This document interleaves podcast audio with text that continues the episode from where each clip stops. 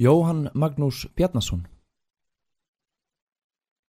Þúsundir Íslendinga fluttust búferlum til Vesturheims á áránum 1870 til 1914.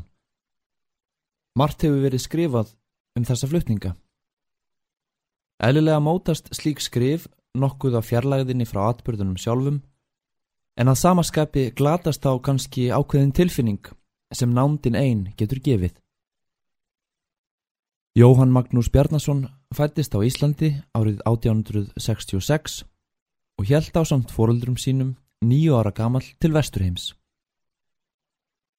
Hann átti aldrei afturkvæmt til Íslands.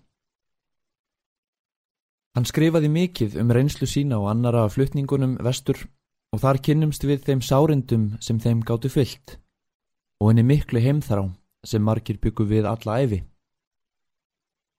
Í kvæðinu um litlu stúlkuna frá árinu 1892 skinnjum við nálaðina við atvik af því tægi sem það er líst.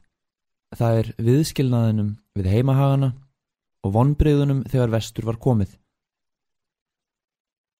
Sjálfur strauk Jóhann Magnús ungur úr vist á Nýja Skotlandi eins og framkymur í dagbók vesturfara sem nýlega hefur verið gefin út.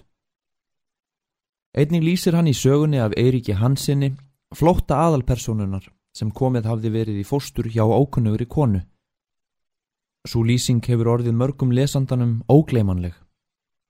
Og hvæðið um litlu stúlkuna naut geysilegra vinselda meðal Íslandinga begja vegna Allandsafsins.